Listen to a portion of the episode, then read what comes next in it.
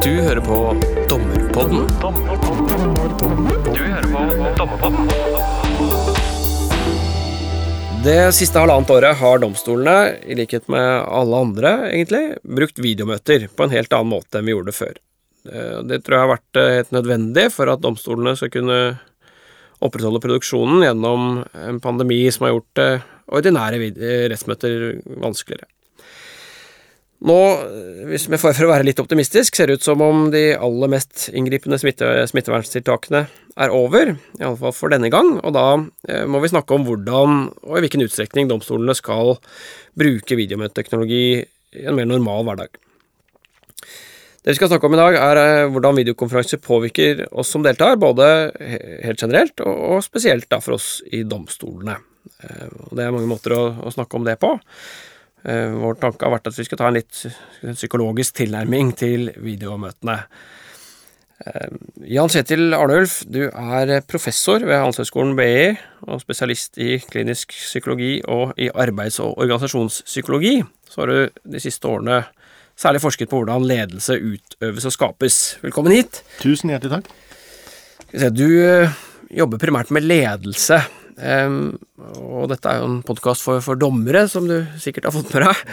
Uh, hvordan tenker du, eller hvilken grad tenker du at dommerne har en rolle som, som kan sammenlignes med mer tradisjonelle ledere? Har du tenkt noe på det? Ja, det jeg, har jeg faktisk tenkt en del på. Jeg tenker at det på mange måter er veldig sammenlignbart. Uh, det er fordi at um, Kan du si at dommere har vel på en måte i større grad enn de fleste andre ledere en veldig formell autoritet. Det er vel veldig få mennesker i samfunnet som har en så formell autoritet akkurat der og da som en dommer. Eh, men på den andre siden så er det jo også sånn at dommeren er en representant for et um, skal vi si, representant for samfunnsinstitusjoner, som er sånn at dommerens gjøren, da, dommerens kommunikasjonsform og måte å, legge opp ting på, skal understøtte statens troverdighet. Så dommeren representerer jo noe mye større enn seg selv, på en måte. Det tror jeg De aller fleste ledere de skal også representere ikke bare seg selv, men en, en organisasjon. ikke sant? Du representerer en rolle. Uh, og på den måten så skal jo uh, dommere skape en aksept rundt en ganske vond og smertefull prosedyre oftest, fordi det er konflikt involvert. da. Og det, det sier vi om ledere, og at ledere er egentlig handelsreisende i konflikter, selv om de ikke alltid liker å tenke på det. Så det er mange paralleller der. Det, det, har jeg ikke tenkt på. Det, det er nettopp dels eh, spørsmål om litt sånn praktisk ledelse å få organisasjonen eller prosessen fra A til B, men det er noe annet også. Det, det gir god mening for meg. Ålreit. Um, uh, ja, jeg, jeg, har påstått at vi skal snakke om videomøter, uh, og, og, grunnen til at uh, du er invitert til å snakke om det, er at vi tenker at Eh, som psykolog, da, og, og, med særlig fokus på ledelse, at du, du, har tenkt litt rundt det? Jeg har faktisk jobba en del med det. Jeg var, jeg var ganske tidlig ute og forska litt på dette her, med videomøter og video sånn lenge før pandemien. Så jeg holdt på med det sånn, sånn sidespor i det jeg har drevet med en lang stund. da. Som, som ble kanskje viktigere, da? Når det siste Ja, det jo plutselig så smalt det, ikke sant. Og så plutselig var mye av det vi hadde tenkt på tidligere, det ble plutselig veldig nyttig. Så jeg, jeg, er litt sånn stolt av det, da, fordi folka som omgir meg, føler at vi, vi hit the ground running, på en måte. Altså vi, vi, så vi klarte å omstille oss kjapt, selv om det var vondt, da. Mm. Nettopp. Um, hvis du klarer å gi oss en liten intro, da. Altså hva er det som si, psykologisk sett, eller, eller, på en måte skiller et videomøte fra et uh, sånt møte som vi har nå, altså hvor vi sitter fysisk sammen? Den, det største skillet er at videomøtet er eh, foregir å være noe det egentlig ikke er. Altså Videomøte foregir å være et møte mellom mennesker, hvor du har full tilgang på den andre personen, sånn som vi har når vi sitter sammen i et rom, sånn som vi gjør nå, og så gjør vi det ikke. Så video, videomøte er både en mulighet og en, um, en trussel, da, så ikke uventet. Fordi eh, Kan jeg få lov å gå litt bakenfor det der? Eh, definitivt. Eh, det er nemlig sånn at um, Jeg vet ikke om du har prøvd noen gang å høre etter hva folk sier på video når du tar opp Om det er familievideoer, gamle juleselskaper og ferievideoer og sånn. Så er det faktisk ganske vanskelig av og til å høre hva som blir sagt. Og så kan man tenke seg at det, det, er vanskelig å høre hva som blir sagt fordi at lyden er dårlig eller noe sånt. Men sannheten er den at når mennesker sitter sammen, sånn som du og jeg gjør nå, fysisk, så får hjernen din så mange eh, cues. Da, så du, du, du, det er lettere for deg å høre hva jeg sier når du ser at jeg beveger meg. Mm. Og eh, vi vet da fra hjerneforskning i dag at det foregår en stor, eh, for en stor del mye tankelesning. Det vil si at det store deler av hjernen til folk er engasjert i å følge bevegelsene til de menneskene som omgir dem, slik at de forstår de andres intensjoner bedre. Og det går vi faktisk litt glipp av i en, eh, video, i en videosamtale. Vi får ikke så mange cues som vi optimalt sett skulle ha hatt. Så en videosamtale ligner mer på en telefonsamtale enn man skulle tro. Og det der tror jeg, og det som skaper sånn Zoom-fatigue, altså. Så det er sånn at du, du, Man kan risikere å bli litt snytt. Du får litt mer informasjon, men ikke så mye som man kunne håpe på. For, for det, det jeg kom til å tenke på nå, de som hører på oss nå, har jo ikke engang et bilde, så det må jo da kanskje være enda dårligere, eller? Men det, ja, men det, det som Det er litt det, ofte er spørsmålet om hvilke forventninger du legger opp til. Sånn De aller fleste av oss kan jo Det er jo mulig å la seg fortrylle av en man er forelsket i på telefonen, om så er på flaskepost, ikke sant. Men, men hvis du blir foregitt at dette er et møte, nå skal du komme og møte Du kan tenke deg hvis du får liksom, så har en helt en en eller annen fagperson eller en, en, altså en politiker Nå skal du komme og møte en stor person, ikke sant? bortsett fra at han er i en liten boks nedi på veggen der så det, du kjenner på skuffelsen over at det er ikke egentlig et møte. Så det er et spørsmål egentlig om hva, hva er de forventningene vi legger opp til, og i hvor stor grad er dette mediet i stand til å innfri de forventningene. Men helt konkret, hva er det du går glipp av da? På, du, du, har jo et, et, bilde som gir et inntrykk av hva som skjer sånn helt visuelt på den andre enden av, kanalen, han har sagt. Ja. Men hva er det du går glipp av, egentlig? Um, så er det kroppsspråk? Det er kroppsspråk. Egentlig, du kan kalle det veldig knapt, altså, når du si at det er kroppsspråket. Fordi at når, når, du og jeg er orientert i samme rom, så er det veldig store deler av hjernen min, som, og hjernen din for den saks skyld, som går med på å eh, orientere seg mot den andre personen. Og det hjelper deg til å holde oppmerksomheten fangen. Det er, eh, Hvis du tenker at du ser en film på TV hjemme i stua, det er mye lettere eh, hjemme på en film hjemme i stua plutselig reise seg opp og gå ut på kjøkkenet og hente en øl og en pizza så detter du litt ut av handlingen og tenker jeg ikke er så farlig. ikke sant? Men hvis, hvis, dette egentlig skulle være et sted hvor jeg skal sitte og lytte til deg, og være veldig opptatt av den historien som kommer, så betyr det at det er litt lettere å dette ut og ikke få med seg, og dermed misforstå, eller ha en, skal vi si, en dårligere, dårligere mottak, rett og slett, av det budskapet ditt på video enn det ville være fysisk. Så da er det dels at man eh, går glipp av noe informasjon, altså fordi man ser ikke alt som skjer, eller alt kroppsspråket, men også at man er dårligere i stand til å holde fokus. Da. Så det er på en måte to, to, ting, kan man ja, si. Det er det. Og det krever en mer bevisst det krever en mer bevisst utholdenhet og bruk av mediet. Så når vi jobba med dette her tidligere Jeg jobba med et norsk eh, hadde kort eh, stunt innom et firma som het Tandberg Telekom, som ble solgt til Cisco for mange år siden, som var en norsk pioner innenfor telekonferanseteknologi. Eh, og de jeg har skrevet om et annet sted. De gjorde fantastiske ting ved hjelp av video, men uh, en del av hemmeligheten er at du må kunne bruke mediet. Altså Mediet i seg selv er ikke helt nøytralt. Du må ha kompetanse på bruken av det for å få full, full utnyttelse av det. For at hvis du bare tror at du er invitert på et fysisk møte, og så er det ikke det det er, så er det ikke sikkert at effekten opptrer. Og da kan det være at, at møtet heller forstyrrer, da. Det, det, er ikke noe vanskelig å sitte i dag og høre på mennesker som har vært på et møte på Teams og irriterer seg over alt det som de opplevde som forstyrrende eller skuffende med det. da.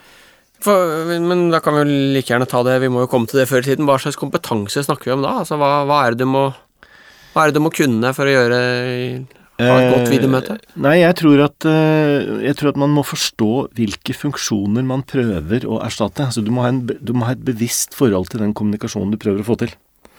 Eh, og det for eksempel da, når jeg eh, underviser folk i ledelse, eller driver med dette selv, så sier jeg til folk at det, det, siktemålet vårt skal være å prøve å oppøve en følelse av fellesskap. Og teknologien kommer til å svikte oss. Folk kommer til å dette ut, lyden kommer til å bli dårlig. Eh, folk kommer til å sitte og tenke på noe annet. Det er mange ting som distraherer deg i et videomøte, men du må være veldig klar på hvilken effekt det er du prøver å oppnå, og hva du ønsker med dette her. Og en av de tingene, bare for å foregripe det, det jeg tenker at eh, hvis du har en veldig klar hensikt med det du vil, så er det lettere. Men jeg tenker jo Det er kanskje en fordom jeg har om rettssaler, med min, eh, med min begrensede evne til å forstå det. Men jeg tenker jo at noe av kommunikasjonen i en rettssal skal være åpen for det ukjente, i den forstand at det skal være mulig for alle parter som kommer inn der og ordlegger seg, å få sitt budskap lagt fram. Så det skal være Det er en porsjon av uforutsigbarhet som jeg tror at det normale rettsprosessen favner om, og som kanskje kan forsvinne. Og Jeg tror det er det folk er redde for da, når de er redde for bruken av teknologi i rettssalen. At den teknologien kapper over noen av deres rettigheter da, til å få framført sitt budskap. Og den, den bekymringen er nok til en viss grad reell.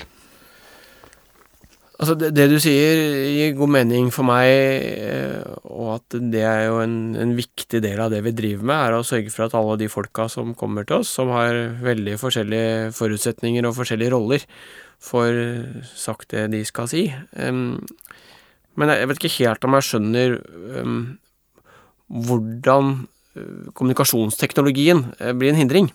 Altså hvis, hvis du kommer inn og skal vitne i en sak, hvorfor blir det vanskeligere på video enn en hvis du møter opp der? Nei, altså Skal vi ta det litt systematisk? Ikke, ja. Altså, det fins en eh, teori om dette her, da, som heter Media Richness Theory, heter den egentlig. Og det er, det er en tanke om at alltid når mennesker kommuniserer, så må de foregå via et medium og at det rikeste mediet som fins, det er når man sitter sammen sånn som vi sitter nå, og du har fri tilgang. Du hører den andre stemmeleie, du ser hvor den andre sitter, altså du har hele kroppsspråk, og vi kan gripe inn i hverandre. Det er et veldig rikt medium.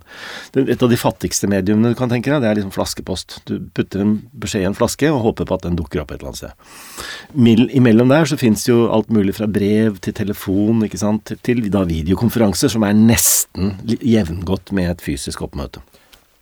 Men problemet er det at vi veit sånn rent teoretisk at jo fattigere et medium er, altså med en gang mediet har begrensninger, så vil det mediet, kunne, under visse omstendigheter, øke sannsynligheten for misforståelser ved at det rett og slett tapper ut informasjon av settingen. Så det følger rett og slett bare av teorien at et, et fattigere medium altså Definisjonen på et rikt medium er et medium som gjør det lettere for folk å endre oppfatning. Så hvis jeg sitter i en rettssal og føler meg urettferdig gjengitt, og jeg sitter der fysisk, så jeg, skal jeg i hvert fall optimalt sett da, ha en optimal mulighet til å få deg til å endre mening om meg og min sak. Hvis, inn, altså hvis jeg får en informasjonsbegrensning der, og jeg ikke skjønner det selv, og ikke skjønner å omgås mediet, så kan jeg ha blitt fratatt muligheten til å, å forklare deg, eller yte min sak rettferdighet, da, på en måte. Da kan man jo tenke seg at det eh, er en sterkere effekt for eh, folk som er mindre verbale, eller mindre, verbal, mindre verbalt sterke. Enn, for eksempel. Og det er jo noe som eh, vi møter innimellom. altså Vi møter jo mye forskjellige folk. Nettopp. Og det har vært, bare Jeg så litt på forskningen før vi kom inn her. at et, Det som faktisk har vært forsket en god del på, er jo da translatører. Altså dette du bruker oversettere. Og det kan være et kostnadselement, eller vanskelig kanskje, hvis det er et spesielt språk eller noe sånt, å få en sånn translatør inn i, inn i salen. Og det allerede før pandemien så har det vært ganske mye forskning på er, er oversettelsesprosessen f.eks. sårbar for dette? Og det forsiktige svaret er vel ja. Altså at Det er en fin ting at du kan kostnadseffektivt hente inn ekspertise, samme er det med, med, med rettsmedisin og sånn, så jeg. Det har han også forsket en del på. Men at det er en, det er en fare der, nemlig at man eh, at informasjonen ikke transporterer like godt som den ellers ville gjort hvis du hadde hatt en fysisk tilstedeværelse. Ok. Um, ja, du har vært litt inne på det, men, altså møteledelse er jo noe som vi dommerne driver en del med. Vi har, vi har snakket jo så vidt om, om ledelsesfunksjonen til dommerne, kanskje innledningsvis, men, men eh, har du noen tanker om hvordan man skal lede et eh, videomøte kontra et fysisk møte? Er det noen forskjeller der? Du har vært litt inne på det. Jeg tror, eh, jeg tror det, er et, det, er et, veldig vesentlig moment som eh, vil lette innføringen av teknologien i rettssalen, sånn som jeg ser det. Fordi jeg tror vi kommer ikke unna, selv etter pandemien, at vi har oppdaget at vi har en teknologisk mulighet som gjør at vi kan ha folk nærværende som det ellers ville vært veldig vanskelig å ha der. Så det ligger et produktivitetselement i det. Du kan, du kan få folk inn som det ellers du måtte utsatt eller brukt mye tid på å få inn. Ekspertise og annet. Så at det kommer til å være der, det tror jeg er helt vesentlig. Men jeg tror det som ligger bak møteledelse av enhver karakter, er en form for standardisering av prosedyren. Og den standardiseringen av prosedyren, det tror jeg er viktig at når man går inn og da skal bruke video eller annen type teknologi, kommunikasjonsteknologi, så tror jeg at det er, to, det er to fenomener som er vesentlige. Det ene er at den skal være så god som mulig. Den sier at den må være kvalitetssikret og være så bra som mulig, slik at det også blir mulig å si at du, dette går ikke, så her må vi gi oss. Dette holder ikke den kvaliteten vi? Så du et, vet hvilken kvalitet vi forventer. Og så tror jeg at de som avholder møtet, de skal forstå hvordan dette brukes, sånn at både altså det skal være forutsigbart og transparent for alle parter, så vi skjønner hva som ligger i dette. Snakker du nå om selve bruken av teknologien, eller også om liksom gjennomføringen av møtet? Gjennomføringen av møtet også. Sånn at alle parter er klar over f.eks. hvordan dette kommer til å skje. Det er jo noe vi er ganske gode til i domstolene, og det er jo en eh, litt sånn koreografert prosess.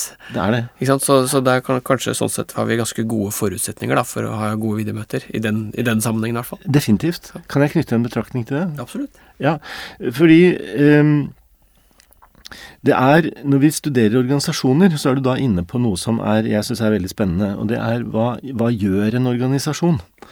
Og kan du si at Vi skiller i altså det å organisere arbeidsprosesser. Et møte er en arbeidsprosess.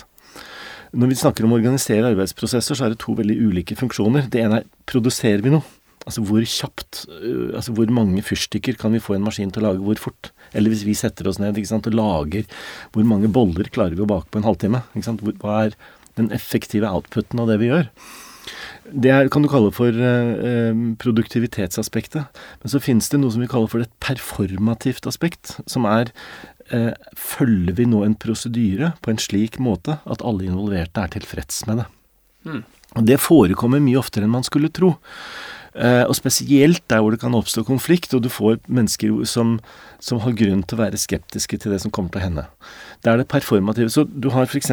performative ting. Det er liturgien i kirken, f.eks. Altså man, man møter ikke skaperen på søndag formiddag sånn helt tilfeldig. Dette skal gjøres på måter som folk er innforstått med. Det performative er selvfølgelig der i, i, i kunst og på mange sånne måter.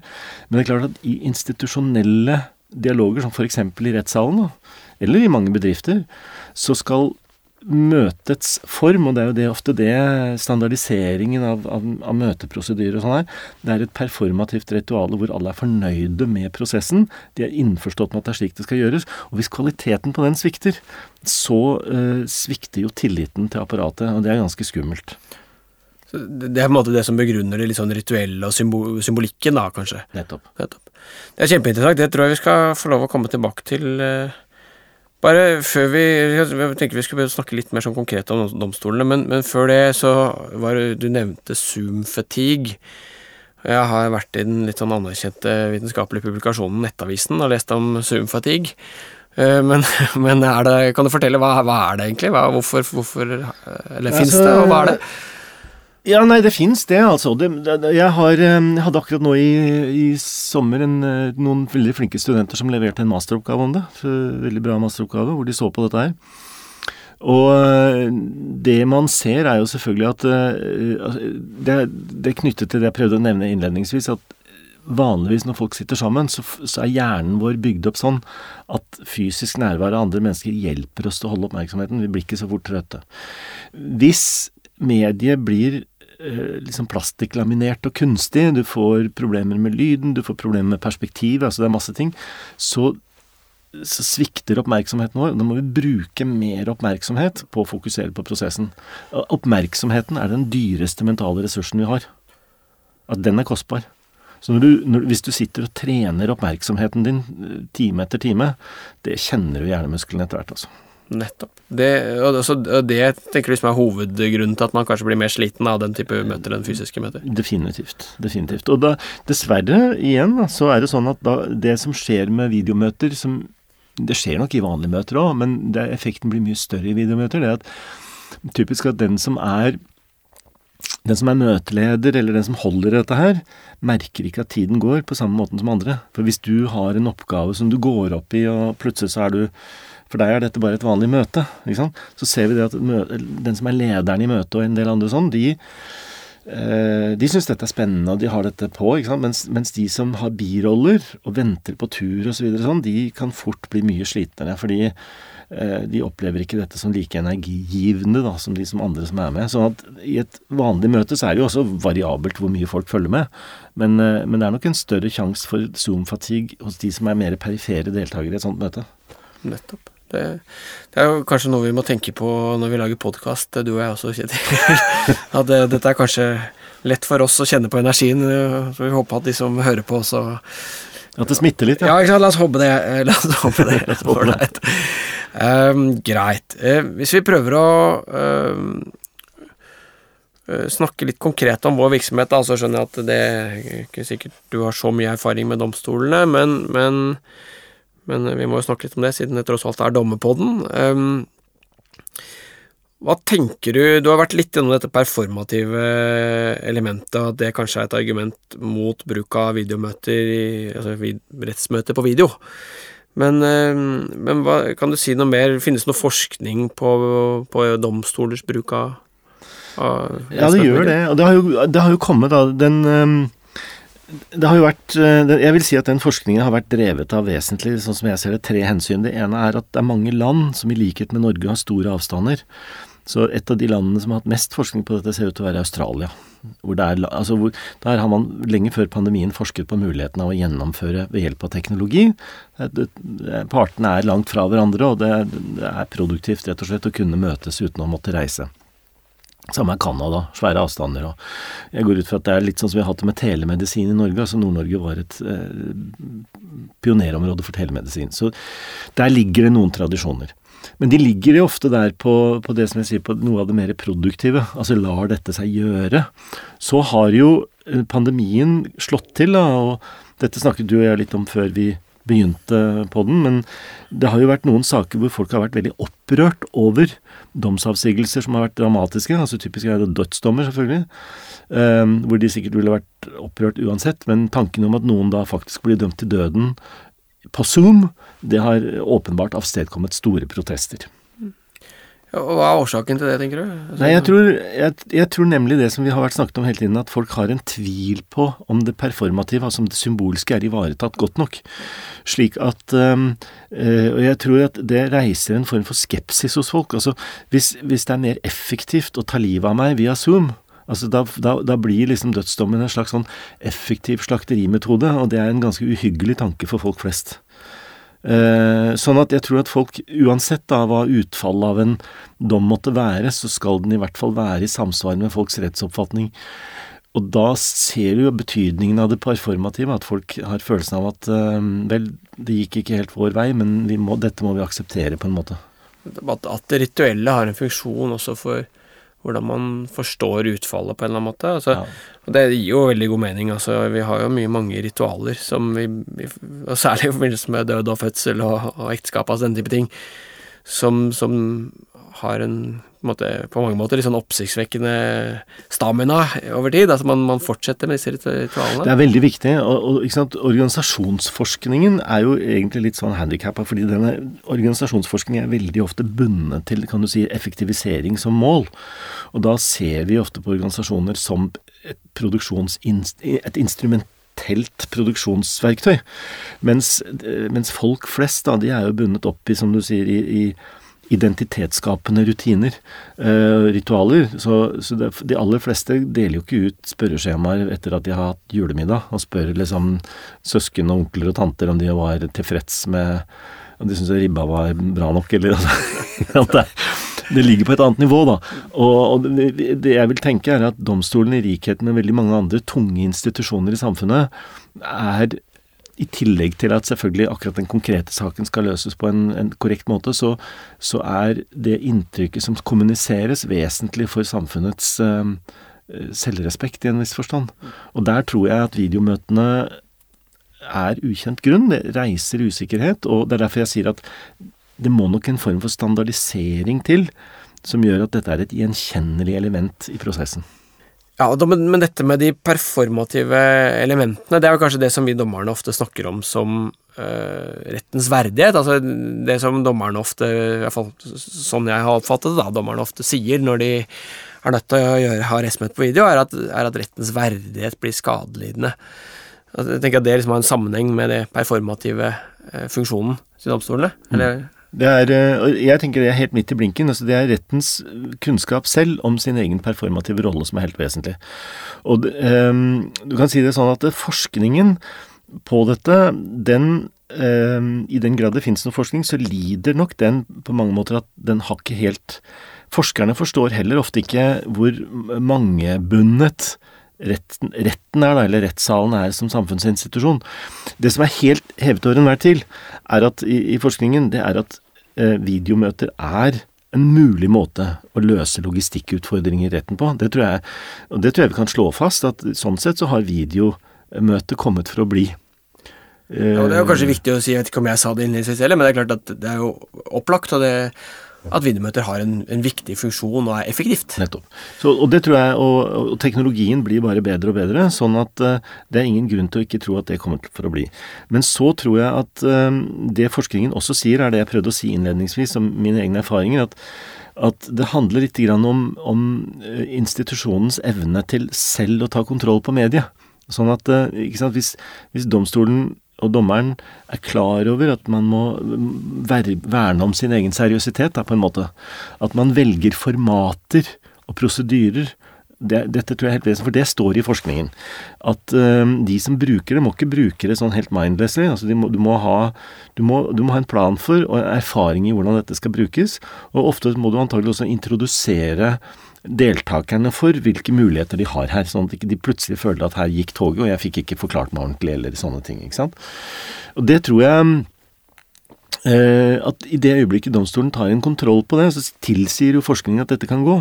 Men det, forskningen har åpenbart også vist at det fins skyggesider her som folk med god grunn kan frykte, og det er f.eks. at eh, eh, videomøtene kan begunstige folk som behersker det mediet. Det er klart de gjør det. Det har også eh, Det effektivitetsaspektet har gjort at man ser at eh, det er i hvert fall noen av forskningen som jeg har sett nå, som tyder på at det går på en måte sjeldnere, da, i, i hvert fall i straffesaker, så går det sjeldnere i den anklagedes favør. Det kan se ut til at retten opptrer litt mer brutalt, eh, litt, mer, eh, litt mindre empatisk da, overfor folk hvis de framstår på, på video. Men jeg, jeg ikke, altså, Derfor jeg som forsker da, er bitte litt skeptisk til noe av forskningen. Da. Jeg tror den forskningen er litt prematur. Fordi um, det er åpenbart på den ene siden at man kan forfalle til en ren sånn effektiviseringstankegang. Og da eh, Det er klart at hvis du da bare velger at her skal vi bare kjøre på og ta unna sakene, så sier det seg nesten litt selv at da, da lider det menneskelige aspektet litt under det. Men eh, jeg tror at en standardisering og en, en, en, større forståelse for dette her, og for den saks skyld at, eh, at domstolene selv bestiller noe forskning, og at man eksperimenterer litt med det, går inn og evaluerer egen praksis og ser hva som fungerer, det tror jeg kan være en veldig god måte å mm, bygge opp under og skape tillit til dette her, og sørge for at folk eh, ikke ikke føler at dette klipper vekk deres rettssikkerhet, da, for det er vel kanskje den største bekymringen folk kunne ha. Nettopp. Så vi skal snakke litt om akkurat dette du var inne på helt på slutten der, men bare, bare før det, før vi forlater si det med rettens verdighet, så, så jeg tenkte jeg skulle nevne at jeg tenker vi får jo ganske mye gratis i um, den fysiske rettssalen. uh, fordi vi har kapper og riksvåpen, og vi sitter litt høyere enn de andre, og vi uh, Ja, det er noe med symbolikken og arkitekturen, egentlig. Mm eller som, som, understreker veldig sånn alvor og, og, og, og kanskje også autoriteten, da. Mm. Og da bare tenkte jeg på Du snakker om at videomøteteknologi eh, på en måte er fattig, fattigere enn et fysisk møte fordi den nå blir borte av kroppsspråk, men, men i praksis vil jo mye av det også bli borte. Eh, den derre symbolikken. Eller i hvert fall eh, sånn som vi har, vi har hatt videomøter i pandemien. Ja, og, men det, dette syns jeg er spennende, da, fordi sånn trenger det jo overhodet ikke å være. Nei, det da. Uh, og jeg tror jo at um, Altså, for å ta en veldig enkel um, eh, ting som folk flest har gjort nå, er f.eks. på BI hvor jeg jobber, så har vi jo etter hvert anmodet folk om å ikke sitte på kjøkkenet med unger i bakgrunnen hvis du kan unngå det, eh, og si at nå gir vi folk en formell bakgrunn, og så kan vi eh, standardisere litt hvordan det er lurt å sitte, og, og, og sånne ting. Og det jeg tror at for eksempel så vil jo eh, retten definitivt kunne ha både designe skjermbilder, bakgrunner og legge til rette for en prosess som gjør at folk finner sin plass, og at den som autoritativt styrer dette her, kommer fram med den autoriteten. Og faktisk tror jeg eh, dette er, Du kan kalle det for en form for scenografi. Jeg, jeg syns jo dette er litt morsomt. Jeg liker å bruke det kirkelige begrepet liturgi, fordi eh, som sagt, altså en kirke er jo et, eh, på mange måter en scene hvor mange ting skjer. Forsvaret har også det. altså En morgenoppstilling i en garnison i Forsvaret er jo definitivt også en slags ballett. Mm. Eh, og, og, det er mange sånne institusjoner i samfunnet som har, er avhengig av en, det som folk opplever da, som en gjenkjennelig iscenesetting av roller. Jeg tenker at denne spiller en helt, helt selvfølgelig rolle i, i rettsvesenet, fordi også partene er forventet å skulle holde konflikten utenfor, på en måte. Altså den, den, konflikten i rettssalen skal være til stede saklig, men ikke forstyrre prosessen, på en måte. Og jeg tror at uh, dette er en scenografi som, som, man kan ta eierskap til i, i teknologi, og, definitivt gjennomføre på en god måte som, og gjen, gjenkjennelig måte. Det, det, tror jeg er riktig. Og så er det, det som du sier, man må ta eierskap til det og tenke på det. Og jeg kom på, Du sendte meg jo noen forskningsartikler da vi forberedte oss til dette, Kjetil. Og, og en av de, jeg husker ikke helt hvilken, men der var jo et av poengene var at kamera ofte var plassert over skjermen til dommeren, sånn at man så dommeren litt ovenfra, og at det nå ser jeg ikke helt konklusjonen, men at det på en eller annen måte påvirket hvordan dommeren ble oppfattet. Ja. Normalt eh, ser dommeren litt underfra, så ser man da i den situasjonen dommeren litt ovenfra. Som, som, skaper det motsatte, kanskje. Det, det gjør det, mm. ikke sant. Og det, vi, vi, det er jo sånn at den teknologien har jo ikke foreløpig vært utviklet, mener jeg, da med den tilstrekkelige scenografiske feinschmecker-følelsen. Altså, dette kan gjøres mye bedre. Eh, så jeg snakka litt den, den, yngre generasjonen, altså disse her eh, film- og fotogenerasjonen som vokser opp nå, de vet dette kjempegodt. Jeg tenker at dette kommer jo. Så morgendagens dommere kommer til å være godt lyssatt og Ja, det tror jeg. det tror jeg. Nettopp. selfiekameraet godt plassert. Um, all right, du, du, var så vidt inne på noe som jeg syns er litt spennende. Du sa at det var noe forskning som kanskje tyder på at uh, man over video som tiltalt i en straffesak ble bedømt litt strengere enn enn en i fysiske møter. Mm. Så det kanskje var litt prematur forskning, men, men, en av grunnene til at jeg hadde lyst til å lage denne, eller denne podkastepisoden, er, og nå byr jeg kanskje litt mye på meg selv, men, men i Oslo tingrett så har vi eh, varetektsfengslinger, altså begjæringer om varetektsfengsling, som behandles i rettsmøtet. Og så har det vært en del eh, fengslinger da, som har vært på, på video, eh, særlig da det som er kalt for utlendingsfengslinger. Um, og det jeg har opplevd, da, helt subjektivt sett, er at eh, det følelsesmessige har vært litt enklere å fengsle der hvor den som har sikta er på video, enn der hvor han eller hun er fysisk til stede. Mm. At det å sånn, sitte i samme rom som noen aktiverer empati på en eller annen måte. Så er det selvfølgelig sånn at det, det er noe som vi må bekjempe den impulsen til å forskjellsbehandle basert på hva slags teknologi eller hva slags møte man har, men, men for meg så oppleves det ganske sånn tydelig. Så, og, og, og så det, det, kanskje liksom det viktigste spørsmålet jeg ville stille deg, var, var om, om man vet noe om kommunikasjonsmedium har noen, har noen beslutningspsykologiske effekter? Altså påvirker det de avgjørelsene vi tar? Mm. Og da har jeg jo vært så vidt gjennom det, men hvis du kan si litt mer om det? Altså det, dette, er, dette, er, også en gammel, kjent psykologisk traver som fungerer akkurat sånn som du beskriver den. Nemlig at øh, ved, at den, ved at det ansiktet, eller den kroppen du forholder deg til, er filtrert et stykke unna, så påkaller ikke det like sterke emosjonelle reaksjoner i deg. Dette har vi visst bestandig. Altså, det gamle Jeg vet ikke om du kjenner til det såkalte Milgram-eksperimentet fra, fra 60-tallet. Dette er et veldig berømt eksperiment hvor um, forsøkspersoner blir bedt om å gi elektriske sjokk til ja, en tenkt forskning på, på den andre sida. Fortell kort allikevel. Ja, og da, det, det, det, det, går ut på at det viste seg jo den gangen I dag ville dette vært etisk vanskelig å gjennomføre, men den gangen man, man, man fikk lov å gjøre sånne eksperimenter, så viser det seg at folk flest, hvis de bare blir instruert av en autoritativ person i hvit frakk, er jo villige til å gi sine medmennesker elektriske sjokk, ikke bare over smertegrensen, men over, også over det livsfarlige. ikke sant? Altså Det viser at folk, folks tilbøyelighet til å gjøre farlige ting under påvirkning, den, den var sterkere enn antatt, på en måte. Situasjonen utløser det. Men så et, en av de tingene de varierte, da, de opprinnelige forsøkene, var å se hjelper det å sitte tett på vedkommende. Da fant man selvfølgelig ut at det, det, er lettest å dele ut smertefylte støt hvis du ikke sitter tett på vedkommende. Hvis vedkommende var i et annet rom, og du egentlig bare hørte via en høyttaler at nå er det noen som stønner og skriker her fordi de har det fælt, så var det lettere enn dersom man satt tett innpå, altså i stolen ved siden av. Da avbrøt de fleste den, denne atferden tidligere, da. Ja. Uh, og det Dette er jo egentlig et uh, Igjen, det, det er relatert til det som jeg nevnte innledningsvis, at vi har faktisk altså nerveceller i hjernen som speiler andre menneskers atferd ut fra hvordan de ser ut. Uh, og den gjør at vi, uten at vi er klar over det selv, så simulerer vi på et indre nivå den andres atferd. Så hvis vi er tett på noen som er i smerte, så vil vi ofte oppleve den smerten i en eller annen form selv. Jo, jo større den distansen er, jo mindre vil vi oppleve den smerten, jo mer sitter du igjen med en ren sånn tankemessig øvelse. Og så kan man si kanskje det er bra, kanskje det er dårlig, ikke sant? fordi at på en måte så fjerner jo det eh, skal si, min identifikasjon med mitt eget offer eller den gjenstanden jeg snakker om. ikke sant? Men på den andre sida så er det jo sånn at hvis en del av rettssikkerheten er at jeg skal få lov til å tilkjennegi min egen fortvilelse over situasjonen, så er det sånn at et medium som klipper over den muligheten her, sånn sett ville klippe over en del av min rettssikkerhet. da. Nei.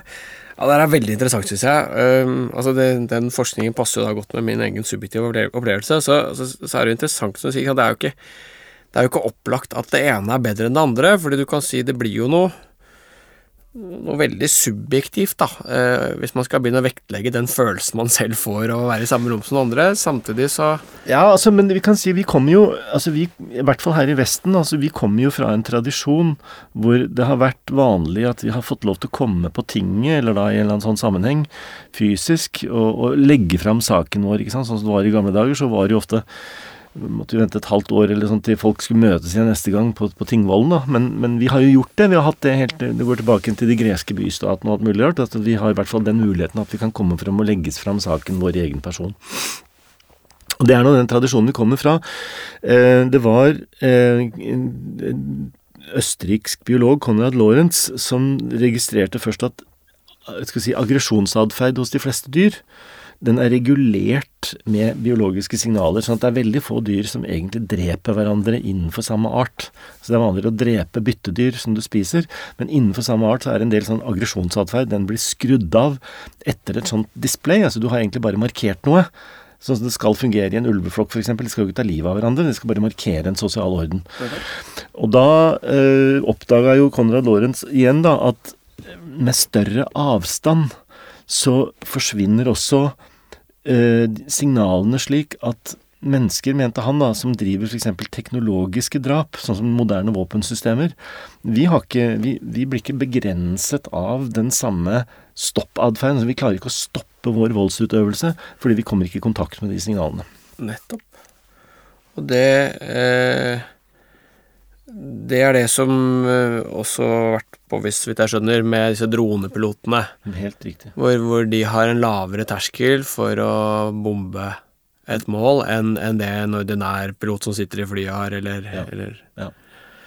Og selv der ville jo Conrad Lorentz mene at allerede Altså, Den klassiske bombeflyveren som bare skal åpne en luke, allerede er, et stykke unna. Ja. Nettopp. Ja, altså, men det er, det er, jo ikke noe vanskelig å se for seg en lignende effekt. Altså Det å drepe noen er jo sånn kanskje den ultimate maktutøvelse, da, men, men, det dommerne driver med også, i stor grad maktutøvelse over enkeltmennesker. Og det er vanskelig å se for seg at man, noen av de samme effektene kanskje kunne et ledende spørsmål, men eh. Nettopp, og de er vel ganske sikkert til stede. Men så kan man jo si igjen da på en måte at uh, Eh, verden er jo et litt rotete og kaotisk sted, og eh, så kan man si at mange av disse mekanismene som handler om at folk skal møtes, at det skal være et rom for barmhjertighet og et rom for usikkerhet.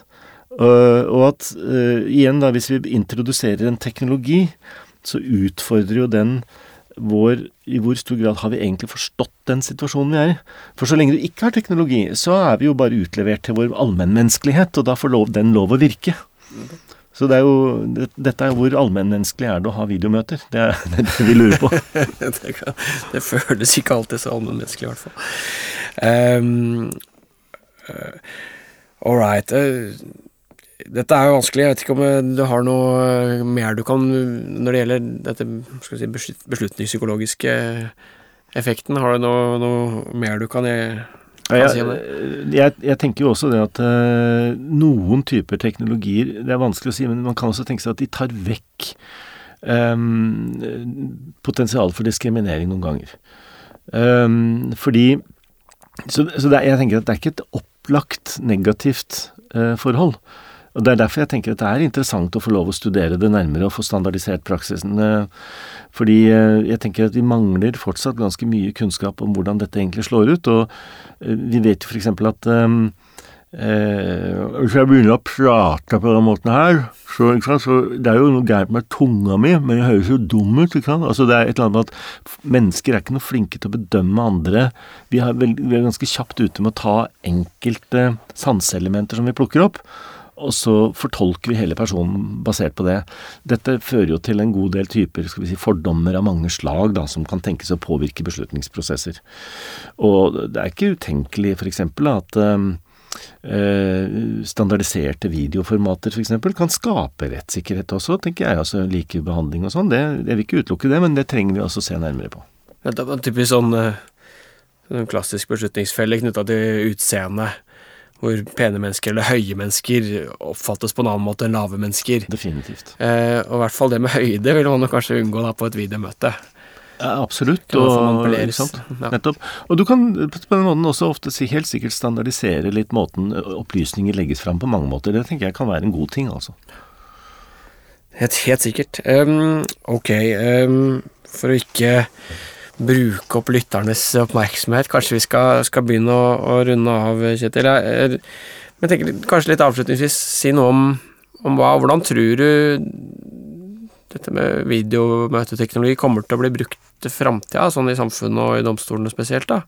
Du har sagt litt at du tenker det er behov for litt mer forskning på det, det, det er ikke vanskelig å være enig i, men har du noen tanker om liksom hvordan, hvordan det kommer til å være? Ja, jeg har den tanken at um vi kommer til å bestille den teknologien. Altså jeg tror det, det du beskriver i, som skjedde i pandemien, er at dette har blitt på mange måter kastet på oss av andre årsaker. Så vi har fått gjennom pandemien så har vi fått en slags sånn force majeure-situasjon som gjør at vi har godtatt en masse halvferdige løsninger, på en måte.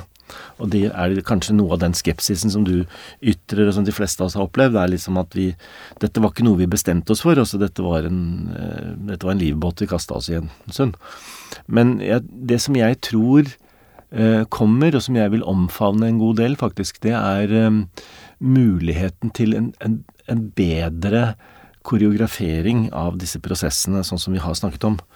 Uh, og jeg tror at det er det som kommer. Um, fordi jeg kan se det også i, eh, innenfor undervisning, og, og at Du tenkte sånn det er jo forferdelig kjedelig å sitte og høre på forelesning på universitetet. Dette, du har sikkert hørt en og annen kjedelig forelesning i ditt liv. Jeg tror jeg har holdt uh, kjedelige forelesninger, da, gitt. ja, og, og, det vi ser nå, er jo at uh, vi, vi, kan faktisk løse opp uh, undervisningen i mer spennende elementer. Det, ungdomsgenerasjonen veit jo allerede, ikke sant. De, de omgir seg jo med YouTube-instruksjoner for alt mulig rart, ikke sant. Det er jo sånn som det er i Donald i gamle dager. De har jo hakkespettboka i lomma, ikke sant. Med alt dette som de kan nå bare skaffe seg en instruksjon animasjonsfilm på. Så jeg tror at det som kommer til å komme framover, er at vi vil antagelig få en, en uh, bedre iscenesettelse av vårt eget både fysiske og virtuelle nærvær. Uh, det tror jeg kommer. Og, det fører jo til Man kan ikke sant, lure på hvem var det som dekorerte uh, rettssalen opprinnelig? ikke sant? Hvem, hvem, var det som designet dem? Hvor kom dette fra? Kirkene og rettssaler og, og eksersisplasser i Forsvaret og sånn. Og um, jeg tror at det som kommer til å komme nå, er uh, et, en, en, bølge av eh, design av virtuelle rom. Det tror jeg kommer til å komme. Så det er sånn spesialtilpassede verktøy, på en måte? Altså, du har et verktøy som du, som du eh, spesialtilpasser til det formålet du skal bruke til, f.eks. en domstol hvor du får et, eh, et virtuell, en virtuell rettssal som, som har noen av de samme effektene som den fysiske har. Det tror jeg. Og hvor, hvor, hvor, eh, hvor rettssalen og, og, partene har en slags transparent kontroll på hvordan var kvaliteten, ikke sant. Hvordan var eh, hva kan tas opp, ikke tas opp, eh, hvordan er presentasjonen, ikke sant. Altså, og at man har eh, eiendomsretten til sitt eget medium. Det er typisk, I begynnelsen av Zoom-perioden så var jo det derre Kan vi stole på Zoom som leverandør av sånne tjenester? ikke sant? Hvem ellers har tilgang på det vi gjør her? Mm. Det er masse sånne industristandardting og sånn som kommer opp.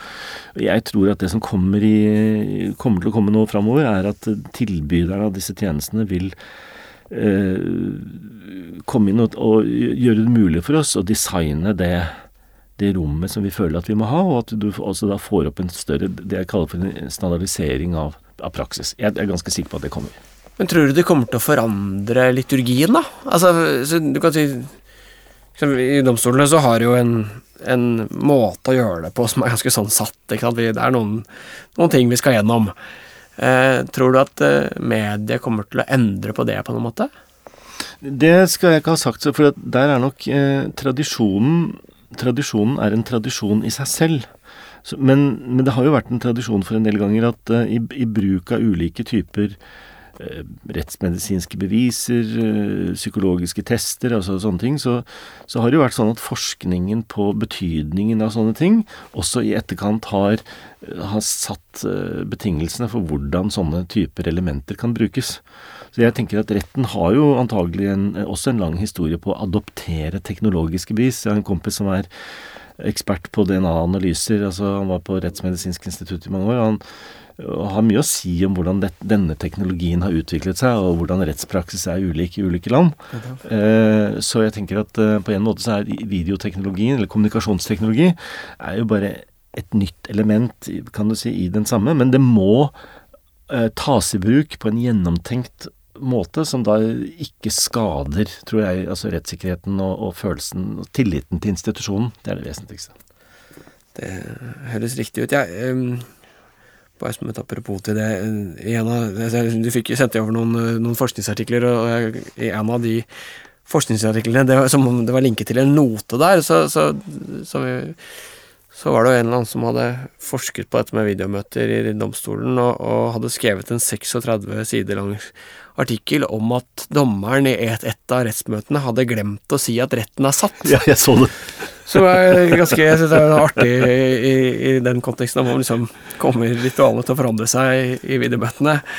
Så det er klart, hvis det, hvis det, å glemme å si det på en måte begrunner 36 siders forskningsartikkel, så, så høres ut som det er skal være ganske dramatisk, da. Ja, men det var, en, jeg tror det var, det var, mye fransk der. Det er et eller annet med at det er altså en, type, en type fransk eh, samfunnsforskningstradisjon som jeg, jeg, skal ikke begynne å hengi meg til det nå, men eh, nei. nei. det var kanskje ikke så interessant. Det var mer, jeg syns det, det, var litt artig da jeg leste. Ålreit. Um, Greit. Jeg, jeg, lurer på om øh, vi setter strek der, jeg. Ja, det er, det er, mye å tenke over her, tenker jeg, som ikke har berørt, men som ligger implisitt i det vi sier. Det ja, på en måte får jeg lyst til å snakke om dette i tre timer. Uh, det spørs om lytterne har stamina til det. ja, men temaet løper ikke fra oss. Nei, det, er vel det som er konklusjonen.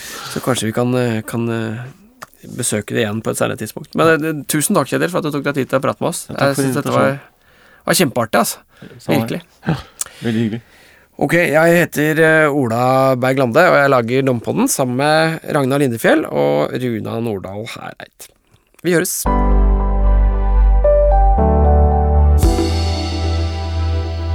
Etter at vi var ferdig med å, å, ta opp, så viste det seg at uh, Kjetil hadde noen spørsmål til meg. Uh, så da valgte vi å ta opp de, og, og det ble litt artig, syns vi. Så, så her får du resultatet av det. Da kan jo jeg uh, spørre deg, altså, for, jeg har jo noen spørsmål tilbake igjen, um, i og med at jeg ikke har denne samme fartstiden fra, fra rettssalen. Ja, klart det. Uh, fordi jeg har jo ofte lurt på i hvor stor grad er dommerne selv klare over rasjonalet bak f.eks. møteledelsen? Uh, er, dette mye, er det mye institusjonelt og vanemessig, eller sitter du der med en veldig klar intensjon om hvorfor dette skal gå som det går? Altså, ja, Det syns jeg er et vanskelig spørsmål å svare på. Altså, For min egen del får jeg vel svare, da, først og fremst. Så, så øh, tenker jeg jo i den enkelte sak på, på møteledelsen Eller hvis du tenker på det rituelle, mer som et, et verktøy øh, for Nei, vanskelig. vanskelig. Ja, det, Jeg hører da bare på det du ja. sier. Så kan jeg høre nemlig det at antagelig så er oppmerksomheten din som dommer den går mot eh, altså noe prosessuelt, men jeg hører ikke at du har en veldig sterk Vi kan kalle det for en, en, um, en eksplisitt plan for det som skal skje. Um, for, altså for det rituelle, tenker du på? Eller ja, for, for, eksempel, eller for hva du prøver å få til. For det, for det er nemlig sånn at eh, det, det, virker på meg, da, bare for å ha sagt det, det virker på meg som om teknologien dunker borti deg. Litt sånn som hvis man dunker huet mot kanter man ikke visste var der. Så teknologien kommer og setter spørsmål til deg, spørsmålstegn til deg hva du holder på med, uten at de spørsmålene som teknologien reiser, passer ikke helt sammen med det du prøver å få til. Skjønner du? Ja, ja, det, det tror jeg er helt riktig. Um, så jeg vet ikke om det egentlig helt svarer på spørsmålet, men, men i hvert fall det, Jeg har tenkt ganske mye på den symbolikken og, og hva jeg syns om alt det derre eh, koreograferte og, og, kappene og våpenskjoldene og at vi sitter høyere og høye, høye rygger på stolene og alt sånn, eh, og hatt litt sånn ambivalent forhold til det. Uh, men har liksom blitt glad i det fordi jeg tenker at jeg føler at det gir meg en frihet til å være ganske jovial og nedpå uh, og vennlig uten at uh, noen misforstår og tror at uh, de kan gjøre som de vil, eller at, at jeg fortsatt beholder en sånn autoritet. Og der tenker jeg jo at de der mer sånne tingene man sier, som at retten er satt, f.eks., eller, eller den type ting som, liksom, som, går igjen hver gang, da, at det er en, et, et, ledd i, i noe som understreker situasjonen og kommuniserer et eller annet om hva det er vi holder på med. Men hvis, hvis, jeg da Du har et fengslingsmøte. Det var et av de eksemplene du hadde i stad. Uh, så tenker jeg, hva er din eksplisitte hva er din eksplisitte målsetning med et godt møte? Hvis jeg bare spør sånn, Hva går du inn for å få til? Jeg tenker det er to ting. Det ene er å, å som er litt sånn operasjonelt, altså få opplyst saken på en god måte. Få de forklaringene jeg trenger og sånn. Okay. Uh, og så er det en, en annen som er jeg tenker å få de som jeg møter, da, særlig parter og, og vitner kanskje, til å oppleve at de blir hørt og tatt på alvor. Mm. Det er kanskje de to, to, formålene jeg har. Men det betyr at det eksisterer ikke på forhånd et klart formål som er foregitt, som du har svart på til eksamen, at nå går du inn og gjør dette? Hva tenker du på, for eksempel? Hva kunne det vært? Nei, for eksempel, vi tar noe helt annet. Hvis du hadde vært en psykiater og fått inn en, en, eh, en akuttpasient, for eksempel, så kunne du sagt at det finnes i diagnosekriteriene en bestemt type Altså, du skal gå gjennom en serie diagnoser, så skal du gjennom en bestemt prosess som har så det blir en slags algoritme på hvordan du ender opp med riktig diagnose. Mm. Så at, ja, Formålet mitt nå er raskest mulig å komme til riktig diagnose, slik at jeg kan komme til neste pasient, og denne her pasienten kommer i den behandlingen som skal Skjønner du? Du har en bevisst plan for hva denne samtalen skal avstedkomme. Og, og nettopp, nå skjønner jeg. Det, det har vi jo vi òg, ikke sant. Altså, ja. I fengslingsmøtet f.eks. så har du jo noen vilkår som skal være oppfylt for at det skal være riktig å holde noen varetektsfengsla. Og hvis ikke de vilkårene er oppfylt, så skal du løslate. Og det, er jo, det er jo, ligner jo egentlig på det der legeeksempelet ditt, ikke sant. For ja. du har en time fra det rettsmøtet starter til du skal ha bestemt deg for om det er det ene eller det andre. Nettopp. Så det er klart at, og det, det er jo ikke det jeg legger i sakens opplysning. Ja. Du, du ønsker å få Uh, nok informasjon til å vite om du mener at de vilkårene er oppfylt eller ikke. Så det, det, passer, det ligner egentlig veldig. Um, men, men, det var det jeg la i, i sakens opplysning. Ja, og da tenker jo jeg at det som uh, Det jeg mener med å ta eierskap til teknologien, da, er jo at uh, jeg tror at det, det, det jeg ville anbefalt Det syns jeg hadde vært et veldig morsomt prosjekt å gjort, i og for seg. Det hadde vært å gått gjennom din, da, og kanskje et par kolleger til, sine oppfatninger om hva er min plan for hva jeg gjør her. Og så tar du den teknologien, for dette er jo video eller andre sånn, det er jo bare en teknologi. Eh, og så prøver man å koble teknologien på den eksplisitte planen for hva er det jeg prøver å gjøre her. Og så prøver man å se på hvilken måte matcher det, og på hvilken måte matcher det ikke. En av de tingene som du er inne på her, er blir det for lett, f.eks. Det er jo egentlig en pussig ting ofte. det er veldig sjelden at du får en elektriker som skal skru opp et ting, og så sier han at jeg har fått et verktøy som gjør det for lett å skru opp ledningen. Så, det, så, der er det et eller annet som butter, som jeg tenker krever en, en, en bevisst refleksjon av deg. Nettopp. rundt hva du holder på med i den prosessen. Og der er jo du som dommer, tenker jeg, nokså allmektig, i hvert fall mens det pågår. Ja, definitivt, og det gjør det jo på en måte litt sårbart. Ja, ikke sant? Det gjør jo det. Og da tenker jeg at uh, i og med at du har den allmektigheten, og det var det du spurte meg om først, hvilken sammenheng er det mellom en vanlig lederrolle og en dommerrolle? Og så tenker jeg at formalautoriteten til en dommer, den er så absolutt at det er et Det er nesten et sjeldent tilfelle i samfunnet at du har sånne. Og der sitter du ikke sant, og kjenner på den effekten av, av teknologien som et, et, usikkert element i en prosess som du egentlig har hånd om. Ja, men, men kanskje nettopp da altså fordi jeg tenker at den er fremmedgjørende, da. Altså, og, at, ja. og, at, det gjør denne absolutte autoriteten i situasjonen ja. øh, mer problematisk. Ja. Hvis jeg kan skape kontakt i det rommet med den, den det skal bestemmes over, så tenker jeg at den absolutte autoriteten blir mindre truende eller et eller annet. Riktig. Og Da, da syns jeg det er rimelig å trekke det tilbake igjen til den første refleksjonen du gjorde, nemlig at når du sitter da med kappe i en høyere stol, så kan den første opplevelsen av det at det er litt fremmedgjørende, men i det øyeblikket du venner deg til det, så kan du se at det også samtidig gir deg en viss frihet. Ja, nettopp. Ja, ja. Det, det, det, det, er noe her, altså. Ja, det er noe der, ikke sant. Ja, det, er, det er veldig artig. Du har hørt på Dommepodden. Dommepodden er en podkast fra Norges domstoler, og er først og fremst ment som et kompetansetiltak for dommere. Hvis du har ris, ros, forslag til temaer eller folk vi kan prate med, så er vi glad for å høre fra deg, og da kan vi nås på podkast at domstol.no. Ha en god dømmende hverdag så lenge. Vi høres.